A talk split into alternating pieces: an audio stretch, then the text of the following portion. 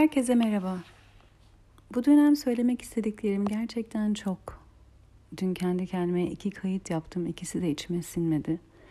Dün akşam e, pazartesi akşamları yaptığım sohbeti yaptım. Söylemek istediğim her şeyi orada anlattım. Katılanlara çok teşekkür ederim. Bana söylemek istediklerimi söyleyebileceğim alanı ve imkanı verdikleri ve sundukları için. Bunu sizlerle de paylaşmak istiyorum.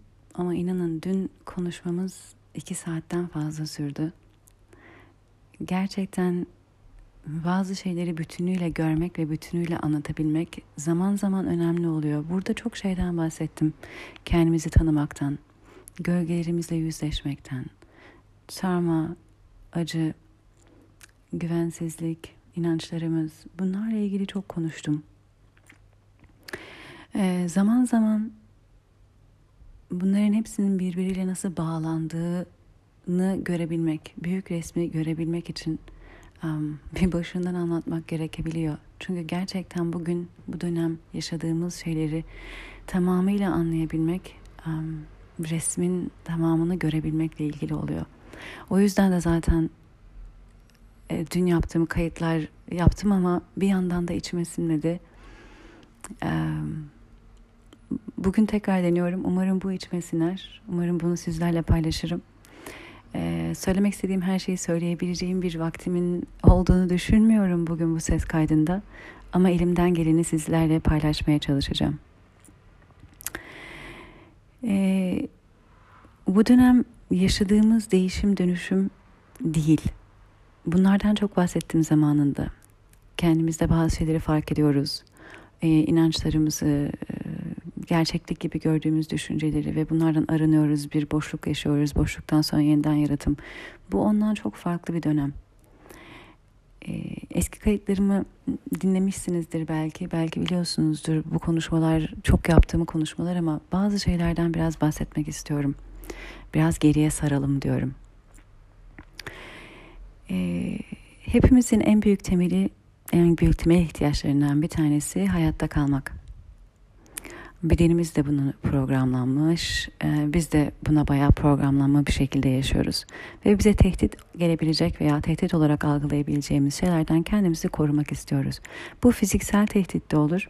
Bir çocuk için sevgi alamamak, kabul görememek de aslında çok temel ihtiyaçların arasındadır. Bunlar da çok hayati tehlike taşır gibi hissettirir e, küçük yaşta bir çocuğa.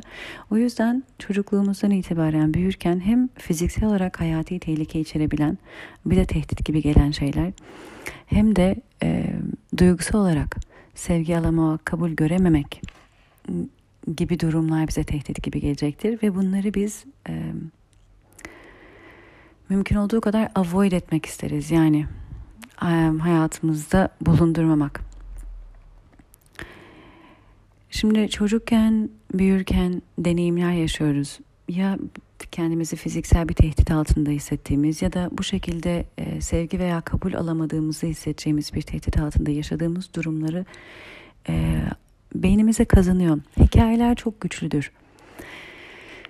E, siz de hayatınızda bilirsiniz bazı hikayeler size anlatıldığında özellikle çok büyük duygu bağı kurduysanız bu hikayelerle ilgili aklınızda kalır, aklınızda yer eder. Bizim de kendi hayatımızda yaşadığımız deneyimler aslında kendi hikayelerimiz ve kahraman da biziz duygu çok yüklü olduğunda hikayenin üzerimizdeki gücü de çok yüksek oluyor. Yaşadığımız deneyimler bir hikaye gibi kalıyor ve yaşadığımız deneyimin sonucu bizi özellikle korkutan ve istemediğimiz bir şeyse burada bir neden sonuç ilişkisi arıyoruz. Çünkü bu durumu bir dahaki sefere yaşamak istemiyoruz. O yüzden de eğer bu sonuç benim aslında yaşamak istemediğim bir sonuçsa buna ne neden oldu diyoruz ve nedenini bulmaya çalışıyoruz. İlla gerçek anlamında buluyoruz bulmuyoruz onu bilemeyiz ama bir neden sonuç ilişkisi kuruyoruz şunu yaptıktan sonra bu oldu. Belki o yaşta bir neden sonuç ilişkisi değil ama bir takip ilişkisi sürebiliyoruz. Yani şunu yaptıktan sonra başıma şu geldi veya bu söylendikten sonra bu oldu veya şunu yaşandıktan sonra bu oldu. Yani ben bunun arkasından bu geldi. O ilişkiyi kurduktan sonra şunu diyor. Farkında olmayarak kişi diyor bunu. Ben bunu eğer yaşamak istemiyorsam bir daha şunu yapmamalıyım çünkü bu buna getirdi beni. Bu bana bunu yaşattı. Orada bir neden sonuç ilişkisi kuruyoruz ve bu bir hikaye oluyor bizim hakkımızda kalan. Bu eğer çok güçlü bir hikaye ise bir kere bile yaşanması yeterli olabiliyor. Bazen de bu hikaye benzer neden sonuç bir iki defa yaşandığı zaman pekişiyor ve bu artık hikaye olarak kalmıyor kişide inanç olarak kalmaya başlıyor. Yani biz artık gerçekten o sonuca götürdüğüne bize inanıyoruz. Burada eskiden belki de neden sonuç gibi değil de onun arkasından bu geldi gibi düşünürken artık bunu neden sonuca baş, ba- bağlıyoruz ve burada bir inanç oluşuyor. Yani ben kendi hayatımda bu tehlikeyi eğer yaşamak istemiyorsam bunu yapmamalıyım, buraya gitmemeliyim, bu şekilde davranmamalıyım, bu şekilde konuşmamalıyım. Bir neden sonuç. Ve burada kendimizi kısıtlamaya başlıyoruz bu inanç üzerinden, korku üzerinden korkuyoruz. Kendimize, hayatımıza bir tehdit ve bir tehlike oluşturabileceğine inandığımız için o davranış, söylem ve varoluşun o davranış ve söylem ve varoluş bize tehdit oluşturuyor gibi geliyor artık. Çünkü onun bizi getirdiği nokta bizi tehlikeli bir yere sokuyorsa o zaman ona neden olan şeyi artık biz yapmak istemiyoruz, hayatımızdan çıkartmak istiyoruz. Varoluşumuzda varsa o kısmı bastırmak istiyoruz. Soru sormak sizi tehlikeye sokuyorsa soru sormayı bırakmaya çalışıyorsun. Uyumsuz olmak seni tehlikeye sokuyorsa uyumsuz olmayı bırakmaya çalışıyorsun. Gibi gibi bu tür şeyler. Ve burada bir hikaye oluşuyor, böyle bir inanç oluşuyor. Ben uyumsuz olursam sevilmem, ben soru sorarsam sevilmem, ben şunu yaparsam sevilmem, istenmem, kabul edilmem ve benliğim tehlikede olmuş olur. Bu inanç olarak başlıyor ve sonra gerçekliğe dönüşüyor. Yani bunu artık sen bir hikayeden inandığın bir şey olduğunu düşünmüyorsun. Farkında olmadan hayat böyle diyorsun. Yani sana özel, senin durumuna özel veya o güne, o duruma, o koşula özelmiş gibi düşünmüyorsun artık. Hayat böyle. Uyumsuzluk tehlike getirir soru sormak tehlikeye getirir. Yani ben soru sorduğum için tehlikeye girdim gibi özelinden çıkartıp veya duruma konuma yani burada bu şekilde davranmak aslında demek ki belki de uygun değil demek yerine dünyanın yaşamın geneline vurup soru sormak kendisi yani aksiyonun kendisi tamamıyla her koşul, her durum, her yerde ve herkes için yanlışmış ve tehlikeliymiş gibi bir gerçekliğe dönüşüyor o inanç. Ve biz bunu hayatı baktığımız yer olarak yaşıyoruz. Yani artık bunu öyle bir gerçeklik alıyoruz ki bu yaşam budur diyoruz. Tek ve mutlak bir gerçeklik olarak alıyoruz. Herkes için geçerli, her durum için geçerli, her yer için geçerliymiş gibi. Şimdi bu bizim kendi hayatımızda oluşturduğumuz hikayelerle yaşadığımız hayatın gerçekliğini görmeye başladığımız yer. Buradan devam edeceğim ama bir parantez açmak istiyorum. Şimdi bu bizim hayatımızda oluşturduklarımız. E peki bizi yetiştirenler? Onlar da bir zamanla çocuktu ve onlar da bir şekilde büyütüldüler ve onlar da hayatına deneyimler yaşadılar ve aslında onlar da aynı süreçten geçtiler. Onlar da aynı süreçten geçtiler ve onlar da bazı inançlarını gerçeklik olarak gördüler ve yaşadılar. Ve kabul ettiler ve oradan hayatlarını devam ettirdiler. Biz doğduğumuzda bizi büyütürken de kendi gerçekliklerini sana yaşamın mutlak gerçeğiymiş gibi aktarıyorlar. Yani senin bazı şeyleri deneyimlemene bile gerek kalmadan sana bazı şeyler zaten söyleniyor, aktarılıyor, yaptırtılıyor. Bunu yapma, bu güvensiz, öyle yapılmaz, buraya gidilmez. Senin durumun özel alınmıyor. Senin e, yatkınlıkların, becerilerin, düşüncelerin dikkate alınmıyor. Yaşamın tek mutlak bir gerçekliği gibi gözüktüğü için onlar için sana da bu bu şekilde anlatılıyor. Yani şu denmiyor. Bu benim deneyimim de. Ben şöyle bir şey yaşadım. Orada böyle bir şey gördüm. Hani sen de belki kulağına küpe bulunsun değil. Hayır. Yapılmaz, yapılır, olur, olmaz, uygun, uygunsuz, başarılı, başarısız tek ve mutlak bir tanım şeklinde geliyor. Buna mutluluk denir. Mutluluk ancak şöyle olur. Başarı ancak buna denir. İyi bir insan şunu yapar. Şu düşünceliliktir. Şu düşüncesizliktir. Tamamen tanımlarla geliniyor. Hiçbir esneklik olmadan. Ve sen zaten daha kendi deneyimlerinle bu şekilde inançların üzerinden gerçeklikler yaratıp um, birçok şey yapılmaz edilmez gibi kendi varoluşunun tehlike yarattığını deneyimlemeden zaten sana birçok şey sen keşfetmene imkan kalmadan ve deneyimlemeden sisteminden çıkartılıyor. Çok basit bir örnek. Ben 6 yaşındayken ne olacaksın dediklerinde ressam olacağım diyordum. Ve bana resimden iş olmaz sanatta sadece hobi olur hayatını geçindiremezsin para kazanamazsın derdi. Şimdi burada bir sürü inanç var ve burada bir sürü yaptırım var. Yani kişiye bakmak, senin eğilimine bakmak, değerlendirmek, hayatı, şartları, dünyanın değişmiş gelmiş yerini bunların hiçbiri yok. Kendi hayatlarında yaşadıkları ve onları güvencede tutan bir yer varsa bunu tamamen yaptırım olarak aktarıyorlar.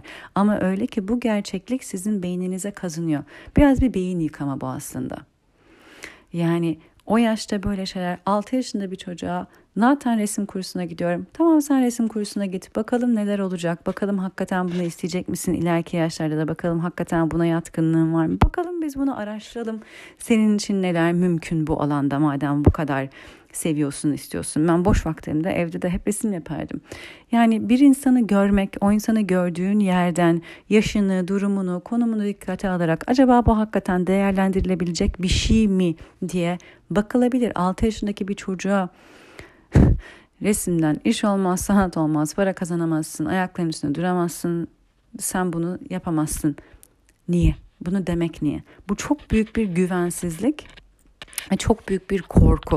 Beni korumak amaçlı ama aslında orada ben değil korumak amaçlı. Korku tamamen bu kişiyi yönetiyor ve korkusundan dolayı tehlikeyi e, atlatmak adına çok büyük bir kısıtlama getiriyor. Çünkü öyle yaparsan tehlikeli bir durumu göze almış olursun. Resim gibi, sanat gibi bir alanı şey yaparsan o kişinin kafasında, anlayışında, gerçekliğinde kendi hayatına geçim kaynağını tehlikeye atmış olursun. Ayakların üzerinde duramayabilirsin ve bu çok büyük bir tehlike gibi geliyor ve bunu ortadan kaldırmak için orada bir yaptırım ve aslında engelleme var. Şimdi biraz önce söylediğim gibi bu siz zaten kendi hayatımızdan yaşadıklarımızla bunu yapıyoruz ama bize zaten hiç deneyimletilmeden yaptırılan ve resmi kesinlikle e, keşfedemezsin veya o alanı explore edemezsin. Bu bir enerji, bir varoluş akmaya çalışıyor, var olmaya çalışıyor, kendine ifade bulmaya çalışıyor ve sen daha ilk günden hayır, oradan ifade bulmak sana tehlike getirir. Seni tehlikeye atar. Oradan kendini ifade etme deniyor ve bir bastırma oluyor. Bir bastırma, bir inkar, bir yok sayma, bir bunu it üstüne yat, yokmuş gibi davran. Buradan gelen bir isteğin, ihtiyacın olduğunda da kendine bunu hatırlat ki bu korkulacak bir şey. Bu çünkü senin hayatına seni tehlikeye atabilir. Bunu inkar et. Bu isteğini, bu arzunu, bu yatkınlığını veya bu ihtiyacını. Şimdi bizden önce gelenler de böyle büyüyor. Ondan önce gelenler de ondan önce gelenler atalarımız boyunca. Şunu söylemek istiyorum. Sistem zaten korku üzerine. Şimdi biz korku hayatta kalma isteği ve ihtiyacı olan varlıklar olduğumuz için hayatta kalmamızın tehlikeye girdiğini hissettiğimiz zaman bu korku üzerinden zaten bir bağ kuruyoruz. Ne buna neden oldu? Neyi yaparsam bunu yaşadım? Neyi yaparsam tehlikeye girerim? Ve Biraz önce anlattığım gibi korku aslında kendimizi ifade etmek istediğimiz şeyin bizi tehlikeye atacağını düşündürtüyorsa hayatta kalmak adına kendimizi ifade etmekten biz dediğimiz varoluşumuza ket vurmaya neden oluyor. Yani kendimizi ifade etmekten geri tutuyor ve biz olmaya çalıştığımız yerin bizi tehlikeye atacağını düşünüyorsak oraya ket vuruyor. Öyle yaparsam olmaz, böyle yaparsam tehlikeye girer, öyle yaparsam güvensiz olur, bunun korkusu işte sevgi alamam, kabul edemem bunlar da tehdit. Sevilmem, kabul edilmem, onay görmem bunları da biz tehdit olarak yaşıyoruz özellikle küçük yaşta. Ve eğer bunu zaten ileriki yaşlarımızda da değerlendirmezsek duygu olarak hala kabul edilmemeyi ve sevilmemeyi tehdit olarak deneyimliyor beden. Ne kadar yaşamsal bir tehdit gibi gelmese de yaşamsal bir tehdit gibi deneyimliyor beden. Şimdi iyice geriye gittiğimizde şunu görebiliriz ki bazı şeyler yaşanmış ve belki de yaşatılmış çoğunluğa. Ve orada çok derin bir hikaye oluşmuş. Ya çok eskilere gidelim. Atalarımıza, onlardan geriye. Toplumlarda yaşatılmış bazı deneyimler var ki insanları gerçekten çok korkutan. Hayati tehlike hissettiren, kendini çok güvensiz hissettiren, çok büyük korku yaşatan ve o korkuya ve o noktaya getiren şeyin ne olduğuna dair de bir bilgi veriliyor. Bunu yaptığın için, bunu söylediğin için, böyle davrandığın için başına bu geldi gibi bir hikaye yazılıyor. Ve kişi bu hikayeye inanıyor. Bu inancı da zaten gerçekliği oluyor. Korku üzerinden bastırılıyoruz korkutularak. Hayatımızın tehlikeye girdiği bize hissettirilerek korku üzerinden yönetiliyor oluyoruz. Ve bu hikaye ve bu inanç çok kişi tarafından paylaşıldığı zaman bu yaşamın gerçekliği olarak alınıyor. Zaten çünkü kişi kendi hayatında özelinde de bunu yaşadığında bu hikaye inancı inancından kendi gerçekliği oluyor ve hayatı tek gördüğü mercek oluyor. Başka bir yerden hayatı görüp gözlemleyip yorumlayamıyor zaten. Bu her yerde böyledir, herkes için böyledir diyor. Biraz önce anlattığım gibi. Şimdi bunun bir de çok geniş kitleler tarafından paylaşılan bir hikaye. Yani çok geniş kitleler tarafından yaşanmış bir şey olduğunu düşünün, paylaşılan bir hikaye olduğunu düşünün. Hikayenin nasıl hızlıca inanca ve inancın da gerçekliğe dönüşeceğini tahmin edin. Çok büyük kitleler eğer bir şeye inandıysa zaten hayata oradan bakıyor ve gerçekliği oradan yaşıyor. O zaman hepsi oradan o gerçekliği paylaşarak yaşadığında zaten başka türlü bir gerçekliğe bakış açısına varoluş şekline alan kalmıyor, alternatif kalmıyor. Çok fazla insan, çok sayıda insan bir inancı paylaştığı zaman alternatif bir düşünce, alternatif bir inanç, alternatif bir varoluşa alan ve fırsat kalmıyor. O zaman aslında herkesin temelinde paylaştığı birçok şeyin bile aslında birçok kişinin inandığı bir inancın gerçekliğe dönüşmüş hali ve çok büyük kitleler oradan yaşadığı için bunun gerçeklik diye birçok insan tarafından kabul edilmiş olduğu nosyonu herkese kapanıyor. Sorgulanamaz diye düşünülüyor. Bu herkes bu yaşam bu. Tek ve mutlak bir sorgulanamaz. Sorgulanamaz. Çok büyük kitleler tarafından bir şey paylaşıldığı zaman o kadar tek ve mutlak bir gerçeklik gibi algılanıyor ve söze dökülüyor, ifade ediliyor ki bunun sorgulanması bile düşünülemiyor. Ya bir saniye bu hakikaten böyle mi denmesi bile düşünülemiyor. Sorgulananlar sorgulanıyor. Sorgulananlar aşağılanıyor, küçümseniyor, aklına kaçırmış deniyor, komplo teorisi deniyor. Sorgulananlar um, degrade ediliyorlar. Nereden çıktı bu? Delirmiş olmalı.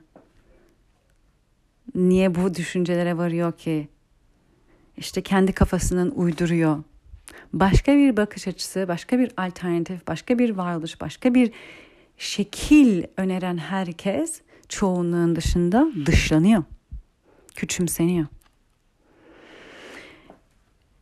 Şimdi ben tekrar kişiye dönmek istiyorum. Biliyorum çok geriye gittim ve toplumlara geldim ama tekrar kişiye gelmek istiyorum. Sorguladığınızda siz de bazı şeyleri hayatınızda yaşar mısınız? Yani birileri üf aman sen de yani ama soru soruyorsun. Çocukken de bunu duymuş olabiliriz. Okuldayken bunu duymuş olabiliriz. Yeter denmiş olabilir. Sorgulama, niye bu kadar inat ediyorsun? Buna inat etmek olarak almış olabilirler. Öf sen de başka iş mi bulamadın kendine bunlarla uğraşıyorsun demiş olabilirler. Sorgulamak özel hayatımızda bile aslında bize ters tepkiler aldığımız bir yer olabiliyor. Kendi hayatınıza bir bakın. Şimdi kendi hayatımızda biraz önce bahsettiğim bu inançlar, gerçeklikler bizi aslında çok kısıtlıyor. Biraz önce bahsettiğim gibi korktuğumuz için birçok şeyden yapmak istediğin şeyi yapmaktan geri tutuyorsun tehlikeye gireceğin için. kalbinin sesini dinlemekten kendini geri tutuyorsun. ifade etmekten geri tutuyorsun. Belki giymek istediğin bir şeyi giymekten geri tutuyorsun. Tehlikeye atacağına kendine inandığından birçok yerde birçok şekilde aslında varoluşunu ifade etme şeklinde. Bu sadece sözel değil davranışlar, seçtiğin iş, seçtiğin eş, ket vuruyorsun kendine. Durduruyorsun kendini korkundan. Ve ne oluyor? Onu yapma, o ayıp, bunu yapma, bu bilmem ne, onu yapma. Bir sürü tarafını, isteğini, ihtiyacını bastırıyorsun. Geriye kalıyor küçücük bir parçan kendini ifade edebilen. Çünkü sadece o kadarının ifadesinin güvende olabileceğini hissediyorsun. Sadece o kadarını aslında ortaya koyarsan, paylaşırsan, gözle görülür hale getirirsen safe, güvende hissediyorsun kendini. Geri kalanından emin değilsin. Her biri bir tehlike oluşturabilir senin için. Şimdi öyle olduğunda çok sıkışmışlık bir benlik ve çok sıkışmışlık bir varoluştan yaşıyoruz hayatımızı ve çok küçük bir alanımızdan yaşıyoruz. O ittiğimiz, bastırdığımız, inkar ettiğimiz her yerimiz gölgede kalmış oluyor. Biz de kendimizde görmek istemiyoruz çünkü görürsek onunla ne yapacağımızı bilmiyoruz ve görürsek kendimizle ilgili de kötü hissediyoruz. Çünkü hem bizim kendimizi tehlikeye atmamıza neden olur. Öyle bir şey ifade etmek. Hem de kabul görmediğini düşünüyoruz. Kabul görmediğini, sevilmediğini, istenmediğini? Kendi içimizde kabul görmeyen, sevilmeyen, istenmeyen şeyler barındırıyor olmak da bizi kendimizle mücadeleye sokuyor. Biz de onların varoluşunu bilmek istemiyoruz aslında annemiz babamız istememiş o tarafların ortaya çıkmasını. Kardeşimiz, abimiz, ablamız, yakınlarımız, arkadaşlarımız, ortam, toplum istememiş hiçbiri bunları. Hepsi yok say yok say bastır bastır demiş o veya bu şekilde. Ve biz içimizde onun olduğunu biliyoruz, bastırıyoruz, olduğunu kabul dahi etmek istemiyoruz artık. Çünkü artık biz de o tarafın inkarıyla yaşayabiliyoruz kendimizle. Biz de görürsek biz de ne kadar sevebileceğiz kendimizi bilmiyoruz. Ne kadar sevilebileceğiz hiç bilmiyoruz. İnanın nefes alamıyoruz o daracık kendimize bıraktığımız alanda. Ve bu çok farklı şekillerde kendini gösterebiliyor bence insanlarda. Benim kendi deneyimimde rahatsızlık, hastalık olarak kendini gösterdi. Ben gerçekten çok bastırılmış bir şekilde yaşıyormuşum. Çok fazla küçük yaştan itibaren, 3 yaşından itibaren migrenlerim vardı. Çok ciddi baş ağrılarım vardı. İlerledi rahatsızlıklarım hep türlü türlü değişik şekiller alıp daha da kötüye gittiler. Benim bazı şeylere artık dur demem zaten yavaş yavaş oldu bu şekilde. Uyanış bir anda oluyor gibi hissediyoruz ama aslında küçük küçük tohumları önceden atılıyor. Bazı şeyler zaten seninle hizalı olmuyor.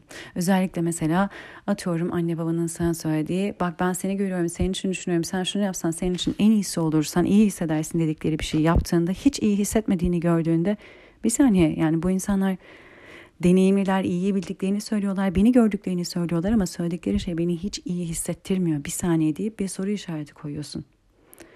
Bu birkaç defa olduktan sonra iyice soru işaretlerin artıyor. Artık emin olamıyorsun. Ben bunları çok küçük yaştan itibaren yaşadım. Ee, öyle bir şey ki bazı noktalara geliniyor bazı dersleri tekrar tekrar almak gerekiyor. İnsanın kendine güvenmesi de zaman alıyor. Ee, ben mesela üniversitede psikoloji okuyacağımı söylediğimde anneme, annem hem annem hem psikolog sana uygun bir dal değil demişti bana. Şimdi o yaşama kadar ben kendimi tanıyabilme işini zaten oldukça yapmış olduğum ve en yakınlarımın bile beni yeri geldiğinde göremediğini anlamış olduğum için bence bana uygun demiştim anneme. Ya o yaşta bunu diyebilmek bile hem annene hem bir psikoloğa kendi düşünüyorsun ki hem kendi alanını çok iyi tanıyor olmalı hem beni de çok iyi tanıyor olmalı ve bunların ikisini bilerek bana uygun olmadığını söylüyor. Ben neye göre kafa tutarak bana uygun diyorum. Ama bana uygundu. Sonradan zaten geldi ben ne düşünüyormuşum bilmiyorum kusura bakma dedi. Ee, ben tekrar ben tabii konuyu açtım yani kendisi bana bu e, sözü sunmadı ama ben konuyu açtığımda. Ondan seneler sonra babam bana hukuk, üniversite bittikten sonra hukuk senin için çok uygun. Sen hukuk çok seversin. O bu şu falan dedi. Hakikaten hukuk okumaya gittim bir sene. Sonunda hastanelik oldum stresten. Aa, bütün sınavlarımı geçtim ilk sene sınavlarımı. Gerçekten de çok zordur bu senede. Bu arada Amerika'da e, hukukun ilk senesi gerçekten çok zordur. Um, en azından benim deneyimim öyleydi. Bütün sınavlarımı geçtim. Gayet de iyi geçtim. Öğretmenlerim de bana bayılıyordu. Fakat stresi kaldıramıyordum. Evet Lojik tarafı çok keyifli ama hayat tarzı değil.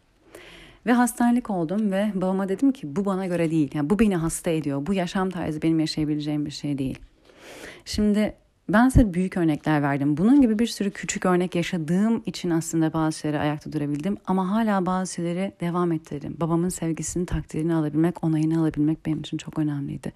Onun gözünde işte bir kadın olarak hayatta ayakta kalabilmek, para kazanabilmek e, çok önemliydi ve çok inandım. Çok inandım onun sözüne, onun sözlerine, benim için iyisi olduğunu. Çok inandım onun ne senin için kötü dediğine. Ve bunları yaşadıktan sonra dedim ki bir saniye. Bir saniye. Sorgulama başlıyor. Bazen gerçekten duvara tosladığımızda. Öncesinde zaten başlamış oluyor. O yüzden o kaslarımız gelişmiş oluyor. Ama hakikaten gerçek anlamda bir uyanış duvara tosladığımızda oluyor. Bu hepimiz için farklı şekillerde olabilir. Belki hastanelik olduğumda oldu. Belki sizin için başka türlü yaşam deneyimlerinde oldu. Birisi bana sormuştu Seda yani uyanış nasıl olur? Yani herkesin bir şeyi fark etmesiyle mi, görmesiyle mi, anlamasıyla mı, cevapları bulmasıyla mı? Hayır dedim. Sorgulamasıyla. Sorgulamaya başlamasıyla. Soru sormasıyla. Uyanış soruyla başlar. Soru sormaya başlamak zaten uyanışın başıdır. Uyanmaya geçtiniz demektir. Sorguladığımız zaman. Bu bana niye söyleniyor? Niye oluyor? Nereden geliyor? Neden geliyor? Başka türlü olabilir mi? Bu bu kişinin bakış açısı olabilir mi? Gerçeklik yerine tek ve mutlak bir varoluş yerine bu bir paylaşılan bakış açısı olabilir ama benim için uygun olmayabilir mi? Soru sormaya başladığımızda uyanış başlıyor. Ve belki de geriye gidip baktığınızda göreceksiniz. Belki de çok küçük yaşta bazı şeyleri siz sormaya başlamışsınız bile farkında olmadan. Ve ileriki yaşlarda bunu belki daha fazla bile yapabildiniz, yapabiliyorsunuz. Şimdi şöyle bir şey oluyor sorgulamaya başlayınca. Bir saniye bana söylenen bu alanı hiç keşfetme, bu alana adım atma, buradan var etmeye kendini çalışma, hiç deneme bile denilen alanlar acaba acaba uygun olabilir mi? Çünkü senin için uygun denilenler uygun değil belli ki. O zaman senin için uygun değil. Kesinlikle deneme, adımını atma, oraya bakma bile denilen yerleri acaba deneyebilir misin? Senin için uygun olabilir mi? Keşfedebilir misin? Bunu belki de bir değerlendirmeye almaya başlıyorsun. Değerlendirebilir miyim acaba böyle bir ihtimal olabileceğini, benim için işleyebileceğini, böyle bir alternatif var olabileceğini? Ben büyürken iş hayatı denildiğinde çok fazla seçenek yoktu. Çok çeşitli şeyler önüme sürülmedi. Farklı farklı yollar ve deneyimler.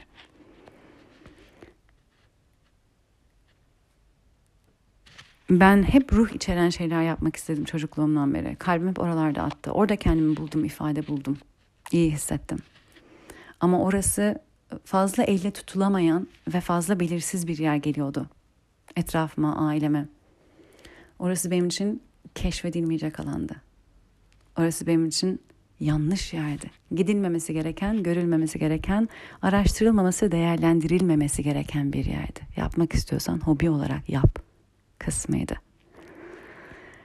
Ben görülmemiştim. Başka bir yerden bir varoluş hiç görülmemişti. Tek ve birdi. Ben çok iyi hatırlıyorum şirket hayatındaydım. Daha önceki ses kayıtlarını dinleyenler bilir belki. Ve dedim ki çok mutsuzum. Ve ben bu mutsuzluğu kendimle alakalı zannediyordum. Çünkü böyle yaşanır dendi. Burada mutlu olunur, bu şekilde yaşanır, bu şekilde para kazanılır, bu şekilde geçinilir, yaşam budur dendi. Bana böyle dendi, öğretildi ve bu etrafındaki birçok insan tarafından da paylaşılan bir görüş olduğu için de sorgulamak çok daha zor geldi bana. Beynim yıkanmıştı. Çok mutsuzdum. Amerika'da çalıştım, Amerika'da şirkette çalıştım, mutsuzdum. Geldim Türkiye'de, Türkiye'de çalıştım, mutsuzdum. Yani belki bu ülkede mutsuzum demiştim. Belki bu şehirde mutsuzum demiştim. Belki bu şirkette mutsuzum demiştim. Ülkeyi, şehri, işi değiştirdim. Yine mutsuzdum, mutsuzdum, mutsuzdum. Ve mutlu olduğum bir yer vardı. Yoga dersinde, yoga yaparken. Ve bunu söylediğimi çok iyi hatırlıyorum. Ben bugüne kadar hep korkumun beni yönetmesine izin verdim dedim. 29 yaşındaydım. Bugüne kadar hep korkum beni yönetti. Ben bir kere de sevgimden hareket etmek istiyorum dedim. Korku yüzünden hep bir yerlere itildim gibi hissediyorum. Ben sevgiden bir yere çekilmek istiyorum. Bir kere de buna şans vermeyi istiyorum. Kendime bu şansı vermek istiyorum. Sevdiğim bir şeyi yaparak yaşamak nasılmış onu görmek istiyorum. Bunu deneyimlemeyi kendime borçluyum çünkü çok kötüyüm demiştim. Çok mutsuzum, çok üzgünüm, çok hırpalanıyorum. Çok hastayım. Hayatımda yaptığım en doğru karar ve en iyi karar. Ama ben bu kararı vermeye çalışıp bunu paylaştığımda etrafımda herkes en yakınlarım, beni sevdiğini söyleyen herkes beni bundan vazgeçirmeye çalıştı. Yapma ve korkutmaya çalıştılar. Korkuyla vazgeçirmeye çalıştılar. Bak sağlık sigortan olmayacak. Bak gelirim olmayacak. Bak düzenli bir şeyin olmayacak. Bak bilmem ne o bu şu. Çok ciddi korkular sundular önüme. Korkuttular hakikaten beni. O korkuya rağmen hayır dedim ben yine korkudan hareket etmeyeceğim. Şimdi şöyle bir şey oluyor. Ailenizden belki bu tür zamanlarda en büyük desteği bekliyorsunuz. Aldıysanız süper. Ailenizi çok takdir ettim. Çünkü gerçekten kendi gerçekliklerinin ve bakış açılarının dışına çıkıp alternatif bir yaşamın olabileceğine inanmışlar. Çoğu zaman aileler en büyük tepkiyi verenler, en yakınlarınız en büyük tepki verenler olabiliyor. Çünkü onlar sizlerin aile olarak, o organizma olarak, o küçük toplum topluluk olarak aynı değerleri, aynı bakış açılarını paylaşmanızı bekliyorlar kendileriyle. Onlar sizi büyüttüler sonunda. Aynı ailede büyüdünüz, aynı küçücük evin içinde, aynı yerde ve sizin onlarla aynı bakış açılarını, aynı gerçeklikleri, aynı tek ve mutlak doğruları ve yanlışları onlarla paylaşmanızı bekliyorlar. Oradan var olmanızı bekliyorlar ve siz ben böyle düşünmüyorum, ben böyle görmüyorum, bence başka türlü olabilir dediğinizde onların gerçeklikleri sorgulanmış oluyor. Onlar görmeyi reddettikleri, görmekten korktukları, kaçındıkları, sakındıkları bir yere sen ben bu kapıyı açmak istiyorum. Ben bunu bir deneyimlemek istiyorum. Ben bir ne varmış arkasında görmek istiyorum dediğin zaman çok büyük korku yaşıyorlar. Çünkü onların en büyük korkuları, en büyük tehdit olarak gördüğü şeyler o kapının arkasında. Onlar hayatlarını oraya giremeyeceklerini, oradan var olamayacaklarını inanarak yaşamışlar. Orayı açmanın aslında kendilerini tehlikeye soktuğuna inanarak yaşamışlar.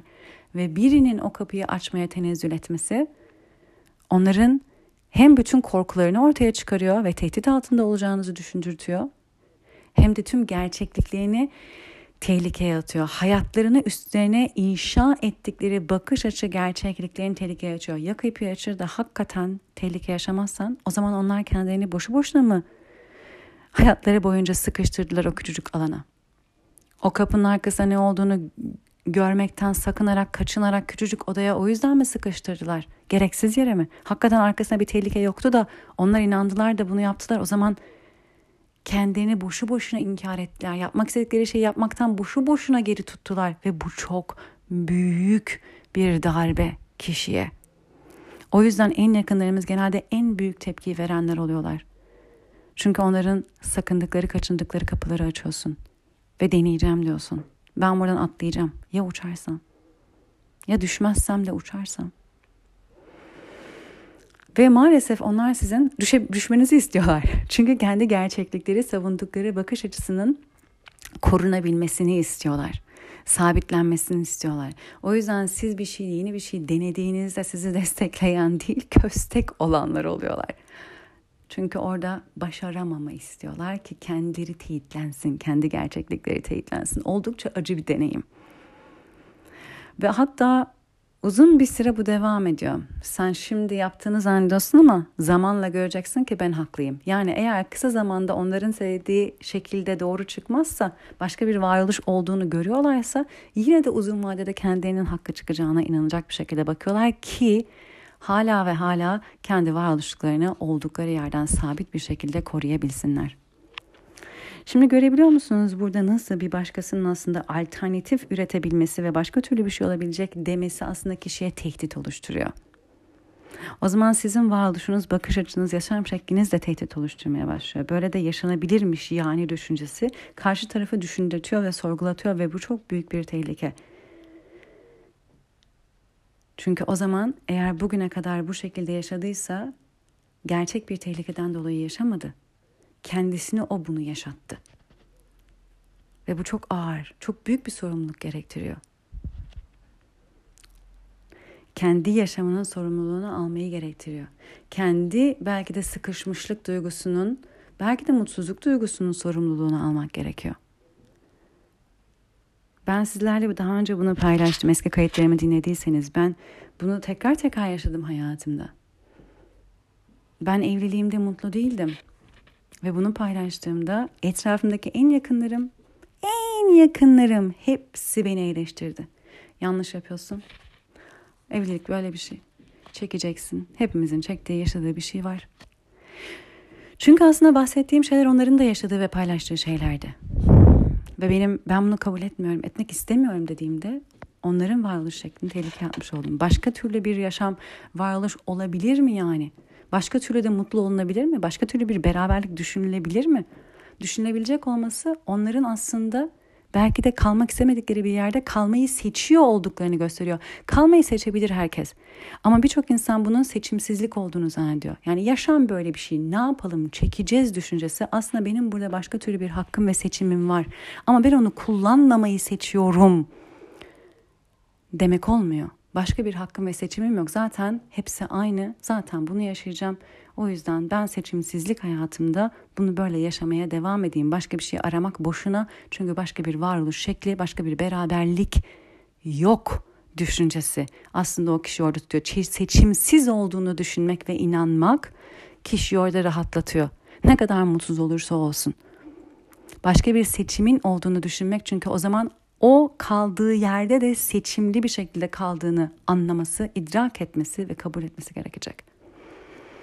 Bunu yapmak çok zor olduğu için seni inkar ediyor. Seni kınıyor. Seni eleştiriyor. Seni yargılıyor. Sen yanlış yapıyorsun. Sen bilmiyorsun. Sen çok fazla hayalperestsin, idealistsin. Çok fazla şey istiyorsun. Seni aşağılıyor. Yeri gelinde dışlıyor. Biraz önce anlattığım aslında o toplumda yapılan komplo teorileriyle alternatifler getiren insanlara yapılanlarla çok benzer aslında. Kendi hayatımızda çok basit örnekler üzerinden anlatıyorum. Bir şeyi sorgulayıp daha farklı olabilme ihtimalini ve daha farklı bir şey istediğini ve daha farklı bir şey olabileceğini, buraya başka türlü bakılabileceğini, başka türlü bir yerden iletişim kurulabileceğini, yaşanabileceğini söylediğini zaman sana gerçekten bir komplo teorisi sunuyormuşsun gibi saldırılıyor, aşağılanıyorsun, yargılanıyorsun ve dışlanıyorsun kendi hayatında bile. Şimdi bunları yapabilmek tabii ki kişinin kendini tanıyabilmesiyle oluyor. Ben bunları ancak çok çok derin ve sürekli ve düzenli ve hala devam eden ve herhalde her zaman da devam etmeye devam edecek bir kendini tanıma süreciyle. Kendini tanıma süreci nedir arkadaşlar? Aslında o en başında bahsettiğim e, inançlarla oluşan gerçekliklerinle bastırdığın, tüm gölgede kalan inkar ettiğin, kapattığın yanlarınla yüzleşmeye başlamak. Ve bu şu şekilde oluyor.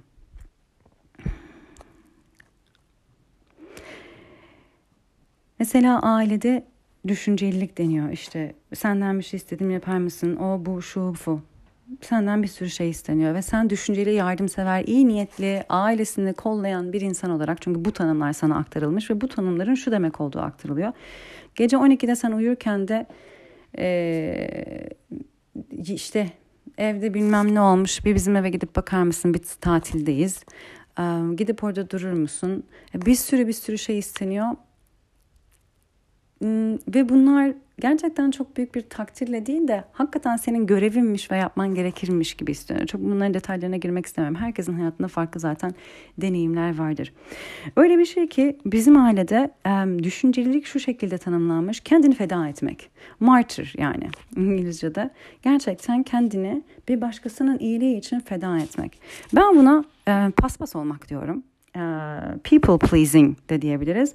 Ve bu istismar ediliyor bir başkası tarafından ve buna düşüncelilik deniyor. Düşünceli olmak, yardımsever olmak, başkasını şey. Hayır kardeşim bu beni istismar etmek ve beni paspas yerine koymak. Benim de kendimi paspas yerine koymam. Ben o zaman düşünceli olmuyorum. Ama bunları düşünüyorsun, yapıyorsun, yapıyorsun, iyi hissetmiyorsun. Çok kullanıldığını hissediyorsun, senin görülmediğini hissediyorsun, senin ihtiyaçların ve isteklerinin yoka sayıldığını görüyorsun. Ama bunları ne adına yapıyorsun? Düşünceliyim. Çünkü düşünceliliği bu şekilde tanımlamışlar. Yardımseverim, iyi bir insanım. O zaman da kötü hislerini bastırmaya çalışıyorsun. Yani hayır hayır ben böyle düşünemem, böyle isteyemem, böyle bir ihtiyacım olamaz benim. Çünkü ben düşünceli olmaya devam etmeliyim. Şimdi ama kötü hissediyorsun. Ne yapacaksın? Burada bir şeyleri sorgulamaya başlıyorsun. Ya ben niye kötü hissediyorum? Ben düşünceli bir insan mı değilim acaba? Ben yardımsever bir insan mı değilim acaba? Ben herhalde bencil bir insanım. O yüzden kötü hissediyorum bunu böyle şekilde yaptıktan sonra bu kadar fazla. Sonra düşünmeye başlıyorsun. Bir saniye bunu bana düşüncelilik diye aldılar ama ben burada çok bir düşüncelilik görmüyorum. Çünkü onlar bana karşı düşünceli değil bunu yaptıklarında. E burada bir çifte standart var. E ne oluyor? Benden bunu bekliyorlar ama kendileri yapmıyorlar.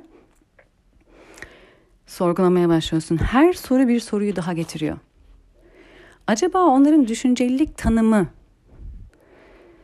tek ve bir olmayabilir mi? Acaba düşüncelilik başka şekilde tanımlanabilir mi? Acaba bu yapılanın başka bir adı olabilir mi? Bir sefer bunu başlıyorsun. Ya bir saniye ya ben aslında düşünceli bir insanım ama düşüncelilik bence onların tanımladığı gibi değil. Bence düşüncelilik bu şekilde ve onların yaptığı aslında istismar ve kullanma ve bu benim hoşuma gitmiyor. Ben bunu yapmadan da düşünceli olabilirim diyorsun sen yeni bir düşüncelilik tanıma getiriyorsun kendine. Benim için düşünceli olmak bu diyorsun. Şimdi sen yeni bir tanım getirdin ama ailen hala eski düşüncelilik tanımını kullanıyor. Ve sen yeni düşüncelilik tanımından hareket etmeye karar verdin. Bütün ailen tarafından düşüncesiz bulunuyorsun. Bencil bulunuyorsun. Ben odaklı bulunuyorsun. Çünkü onlar tanımlarını değiştirmedi. Sen değiştirdin. Ama sen değiştirdiğin yerden kendini onore ederek ve kendinle hizalı bir şekilde davranmaya çalışıyorsun. Etrafındaki kimse değiştirmediyse o tanımı herkes tarafından başka şekilde yargılanıyorsun. Şimdi böyle oldukça aslında kendinde o gölgede kalan ve kapatılmış yerleri küçük küçük aydınlığa çıkarmaya başlamış oluyorsun. Yani aslında kendini sıkıştırmış olduğun benim de bir ihtiyacım ve isteğim var. Ben de kendimi dile getirebilirim ya. Benim de sesim ve ifadem var ya. Ben aslında yorgunum yapamam. Senin bu bir ihtiyacın, bir isteğin bugüne kadar düşünceli ve yardımsever olmak adına ve sevilmek için yani o düşünceli ve yardımsever niye olmak istiyorsun? Sevilmek, beğenilmek, takdir edilmek, onay almak, kabul görmek ailenden. Çünkü bunları yapmazsan kabul edilmeyeceğini düşünüyorsun. Bu senin için tehlike gibi hissettiriyor. O yüzden belli tanımları yapman gerektiğini hissediyorsun. O yüzden aslında senin en temelinde olan istek ve ihtiyaçlarını bastırıyorsun. Yokmuş gibi yapıyorsun. İttiriyorsun, gölgede bırakıyorsun. Bir saniye ya. Hayır, benim istek ihtiyacım var ben şu an bunu yapmak istemiyorum. Bunun bir aciliyeti yok. Yani başka birini bulsunlar veya yarın yaparım.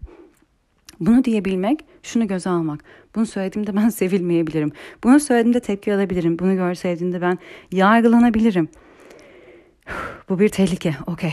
Ama göze alıyorum çünkü burada benim kendimde inkar ettiğim, ittiğim, yokmuş gibi yaptığım bir tarafım var ve bunun artık ifadeye bulmaya ihtiyacı var. Ben kendinde bir alanı daha nefes aldırmak istiyorum. Bir alanı daha kendime yaşatabilmek istiyorum. Ben burada bu kadar ittirilerek, kaktırılarak, sıkışmış bir şekilde var olmaktan çok yoruldum, nefes alamıyorum diyorsun. Yok sayılıyorum diyorsun ve başkaları tarafından bırak ben kendimi yok sayıyorum bu şekilde yaşayarak. Bu şekilde kendi içinde o öbek öbek olan gölgede kalmış bastırdığın, inkar ettiğin taraflarını ortaya çıkarıyorsun. Bazılarını bu şekilde bazılarına belki de çok kendine bayılmadığın şeyleri fark ediyorsun kendinle ilgili. Sen birilerini yargılıyorsun. Sana öğretilen tanımlardan ve inançlardan. Sen o şekilde görmeyi ve o şekilde değerlendirmeyi öğrenmişsin başka insanları, başka durumları. Kendini de yargılıyorsun. En fazla kendini.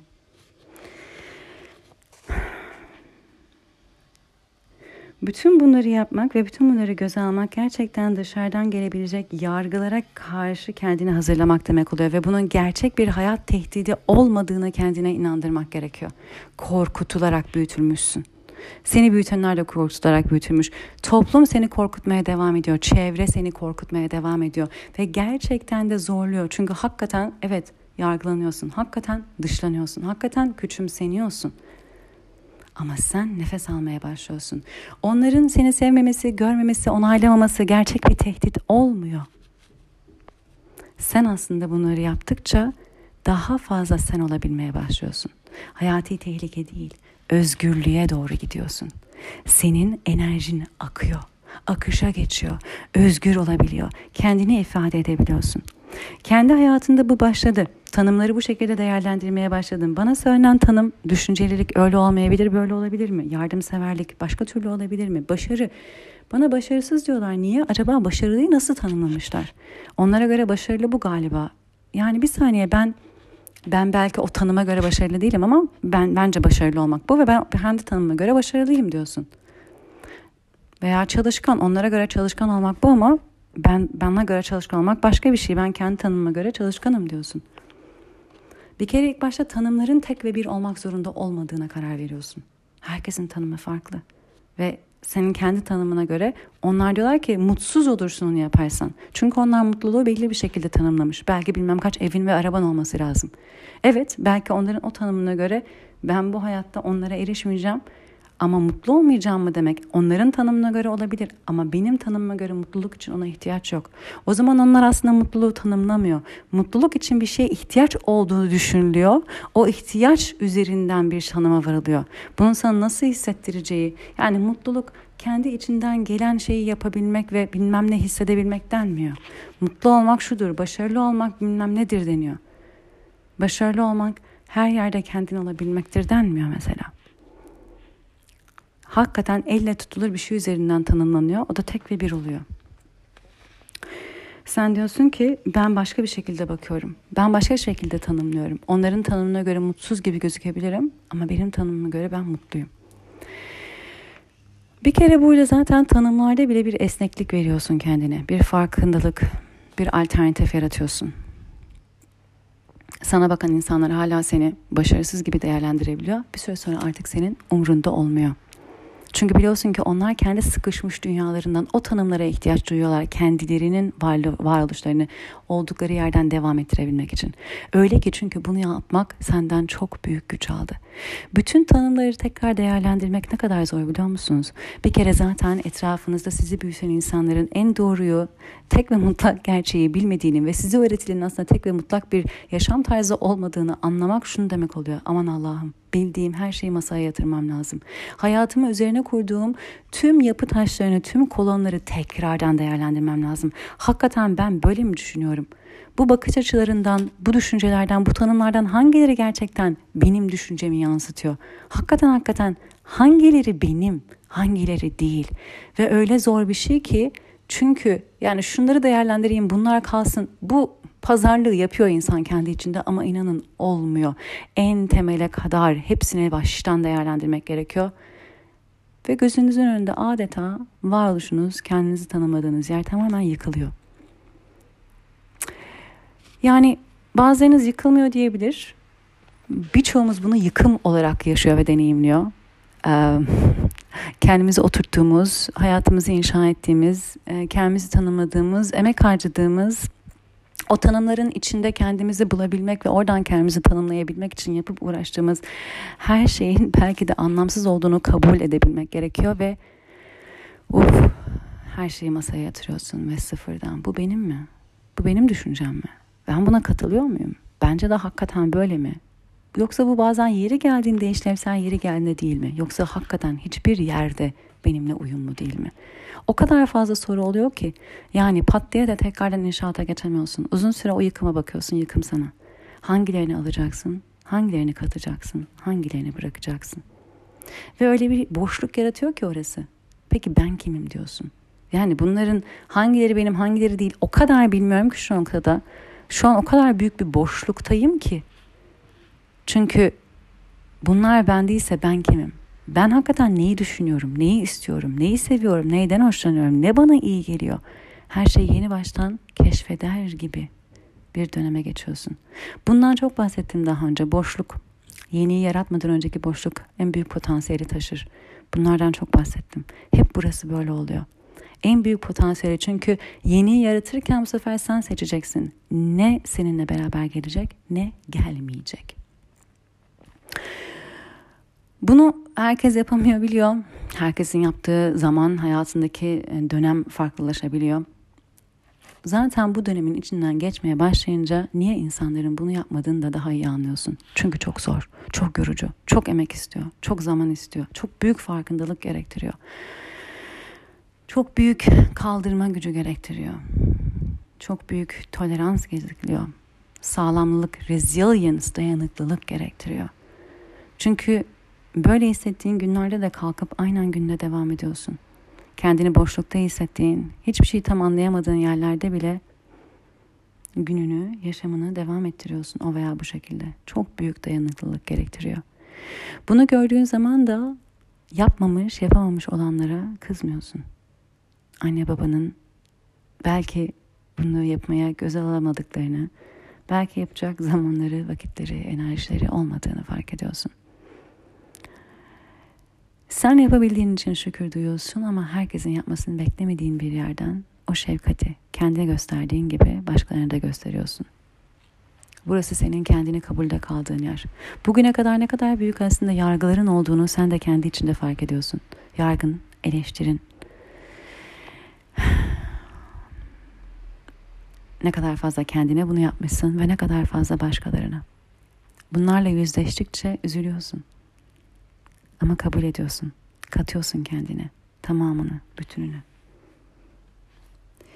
Bunları yaptıkça yaptıkça çünkü bu bir kere olmuyor. İnanın yapıyorsun. Tam böyle bir şeyler inşa ettim diyorsun ki bu bir iki sene alabiliyor. Hop yepyeni bir farkındalık. Belki daha büyük bir farkındalık. Aile dışından daha büyük bir toplumun da sana kattığı belki düşünceleri fark ediyorsun ve hop tekrar bir yıkım. Dur ya daha yeni zaten bunu yapmıştım. Daha yeni inşa ediyordum. Daha yeni yukarı çıkıyordu bu bina derken hmm, hmm, tekrar geliyor ve yeni baştan bir değerlendirme. Burada daha görmemişim, görülmemiş şeyler varmış. Yeni bir şeyler gördüm ve burada tekrar değerlendirmeye oturmam lazım diyorsun. Bunu tekrar tekrar yapınca yapma kasın artıyor. Her biri zor, her biri zorlayıcı. Ama tekrardan yapabileceğini görüyorsun. Geri adım atamayacağını görüyorsun. Uyandıktan sonra sorgulama hiçbir noktada bitmiyor.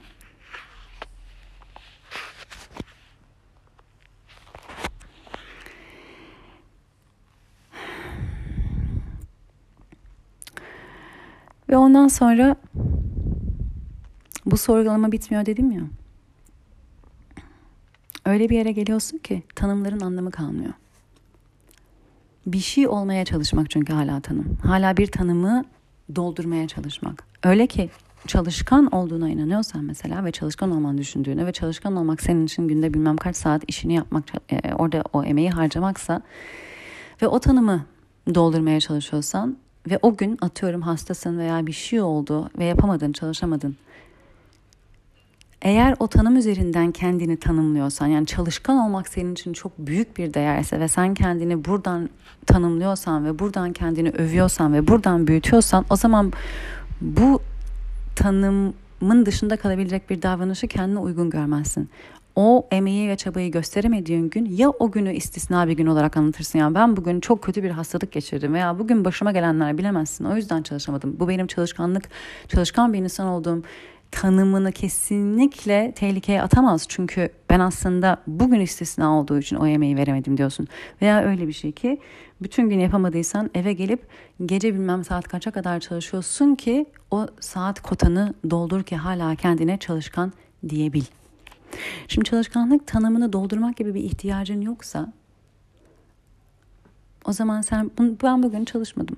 Hı hı, evet, evet, evet çalışmadım. Evet, yani yo ben yine de e, başarılı bir insan olduğumu düşünüyorum. Çalışkan da hissediyorum ama yani çalışkanlık tanımı beni illa tanımlayan bir yer değil, bir şey değil. Ben bu tanımı doldurmak zorunda hissetmiyorum kendimi. Ben bugün çalışmadım. Evet olabilir. Yaşam bu, hayat bu e diyorsun. Çünkü bir tanım üzerinden kendini tanımlamaya çalışmadığından onun dışında hareket etmek senin varoluşunu tehlikeye atmıyor. Öyle bir şey ki bu tanımlar birçok insan kendini değerli gördüğü yer. Başarılı olduğu zaman, çalışkan olduğu zaman, iyimse, iyi, iyi, yardımsever olduğu zaman kendini değerli buluyor. Ancak o zaman kabul edilebileceğine inanıyor. İlk başta kendisi tarafından. İlk başta zaten reddi kendi kendine veriyor. Yani başkalarına o fırsatı bile vermiyor insan bunları öğrendikten sonra. Çalışkan olmazsa ilk başta o kendine o sevgisizliği veriyor. Kendine o şefkatsizliği gösteriyor. Kendine o anlayışsızlığı gösteriyor. başkalarının görmesinden, göstermesinden korktuğu için de o tanımını her gün ve her daim ayakta ve sabit tutmaya çalışıyor. Dışarısının hiçbir şekilde çalışkanlık dışında kendisiyle ilgili başka bir düşüncesi olsun istemiyor. Çünkü olursa sevilmeyeceğine inanıyor. Ancak o sabit yerden hala kendini değerli görüyor. O zaman da o tanımlara sıkı sıkıya tutunuyor.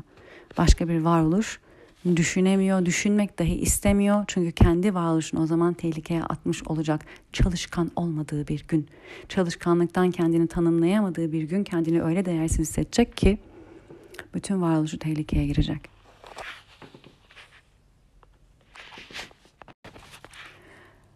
O zaman siz kendinizi bir tanımdan oturtmuyorsanız, tanımlamıyorsanız sizin hayatta varoluşunuzu bir yere sabitlemeye, bir tanıma sabitlemeye ihtiyacınız yoksa ve siz böyle de mutlu olabiliyorsanız ve böyle de yaşamaya devam edebiliyorsanız, hayatta kalabiliyorsanız o insanın yaşam şekline bir tehdit oluyor. Çünkü o insan ancak o sabit tanımlarda kalabilirse, kaldıkça sevilebileceği, görülebileceği, yaşayabileceği, hayatta kalabileceği düşüncesine o kadar inandığı için o savaşı o yüzden veriyor. Bütün gün o savaşı, o mücadeleyi veriyor. Ve sen onu vermiyorsan nasıl ya diyor. Nasıl? Seninkine işlenmez o zaman. Seninkine bilmem denmez. O zaman bir şekilde senin hayatını, varoluşunu küçümseme. Sadece o da değil, sen onun için tehlike oluşturmaya başlıyorsun. Çünkü tanımın yok. Tanımın yok. Tanımın olmadığı yerde bir başkası bir tanımdan var oluyorsa ve sen diyorsun ki yo ben ben de çalışkanım ama ben öyle değilim. Hayır, sen çalışkan olamazsın. Ve o ben de bence başarılıyım. Benim başarı tanımım bu. Hayır hayır sen başarılı sayılamazsın diyor bu sefer sana. Çünkü aslında onun kendinde görmekten korktuğu bütün istek ihtiyaçları, o gölgede kalan, o inkar ettiği, o dinlenme isteği, ihtiyacı ve isteği, o tatil yapma ihtiyacı ve isteği. O belki daha fazla kendine odaklanabilme ihtiyacı, isteği çırpınırken, kendini duyurmaya çalışırken o tanımlarında kendini sabit tutmak üzeri, e, istediği için bütün bu istek ve ihtiyaçlarını inkar ediyor. Ve sen bunları kendine verebiliyorsan onun kendinde inkar etmeye çalıştığı istek ve ihtiyaçlarını o gölgede bıraktığı şeylerini sen kendine verebildiğini gösteriyorsan ve o da görebiliyorsa sen o kişinin kendinde duymak inkar etmeye çalıştığı, duymamaya, görmemeye çalıştığı, tüm karanlıkta bıraktığı, inkar ettiği yanlarının hatırlatıcısı oluyorsun. Senin varoluşun aslında o kişiye bulunduğu noktanın kendi seçimi olduğunun hatırlatıcısı oluyor. Çünkü sen başka bir seçim yapmış oluyorsun. Sen başka bir seçim yaparak hayatta kalabiliyorsan o zaman onun da şu anda bulunduğu yerde bulunması onun kendi seçimi. Onun şu an bulunduğu yerdeki inancı kendi inancı gerçeklik değil illa yani tek bir gerçeklik değil onun kendisini seçtiği bir gerçeklik seçtiği bir bakış açısı seçtiği bir inanç ve onun etrafında kurduğu bir hayat ve böyle olmak zorunda olmadığına bir uyanır ve bunu kabul etmek çok zorsa sana saldırı çünkü sen o zaman onun seçim yaptığı hatırlatmasını yapmış oluyorsun. Hiçbir şey diyerek değil varoluşunla ve sen o zaman tehdit alıyorsun. Onun kendini tutmaya çalıştığı yerde ve sen onun kendisinde inkar etmeye çalıştığı, görmemeye çalıştığı, ittiği, reddettiği tüm yanları hatırlatıcısı oluyorsun. Bakın ben size bir şey söyleyeceğim. Seneler önce şöyle bir şey olmuştu. Birileri bir kız grubu branşa buluşuyorlarmış ve benim de tanıdığım insanlar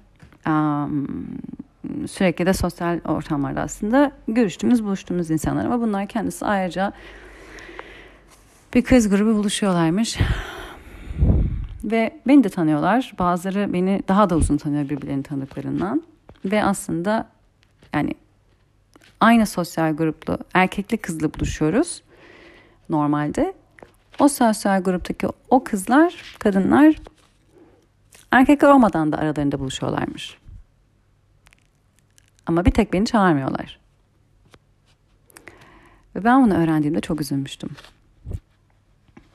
Ee, niye niye çağırmıyorlar? Ne yaptım ben bu insanlara? Yani hayatım boyunca hep onlara iyilik dışında başka hiçbir şey yapmadım. Hep onlar için en iyisini istedim, diledim, yardım ettim. Niye beni çağırmış? Ne yapmış olabilirim diye düşünmüştüm.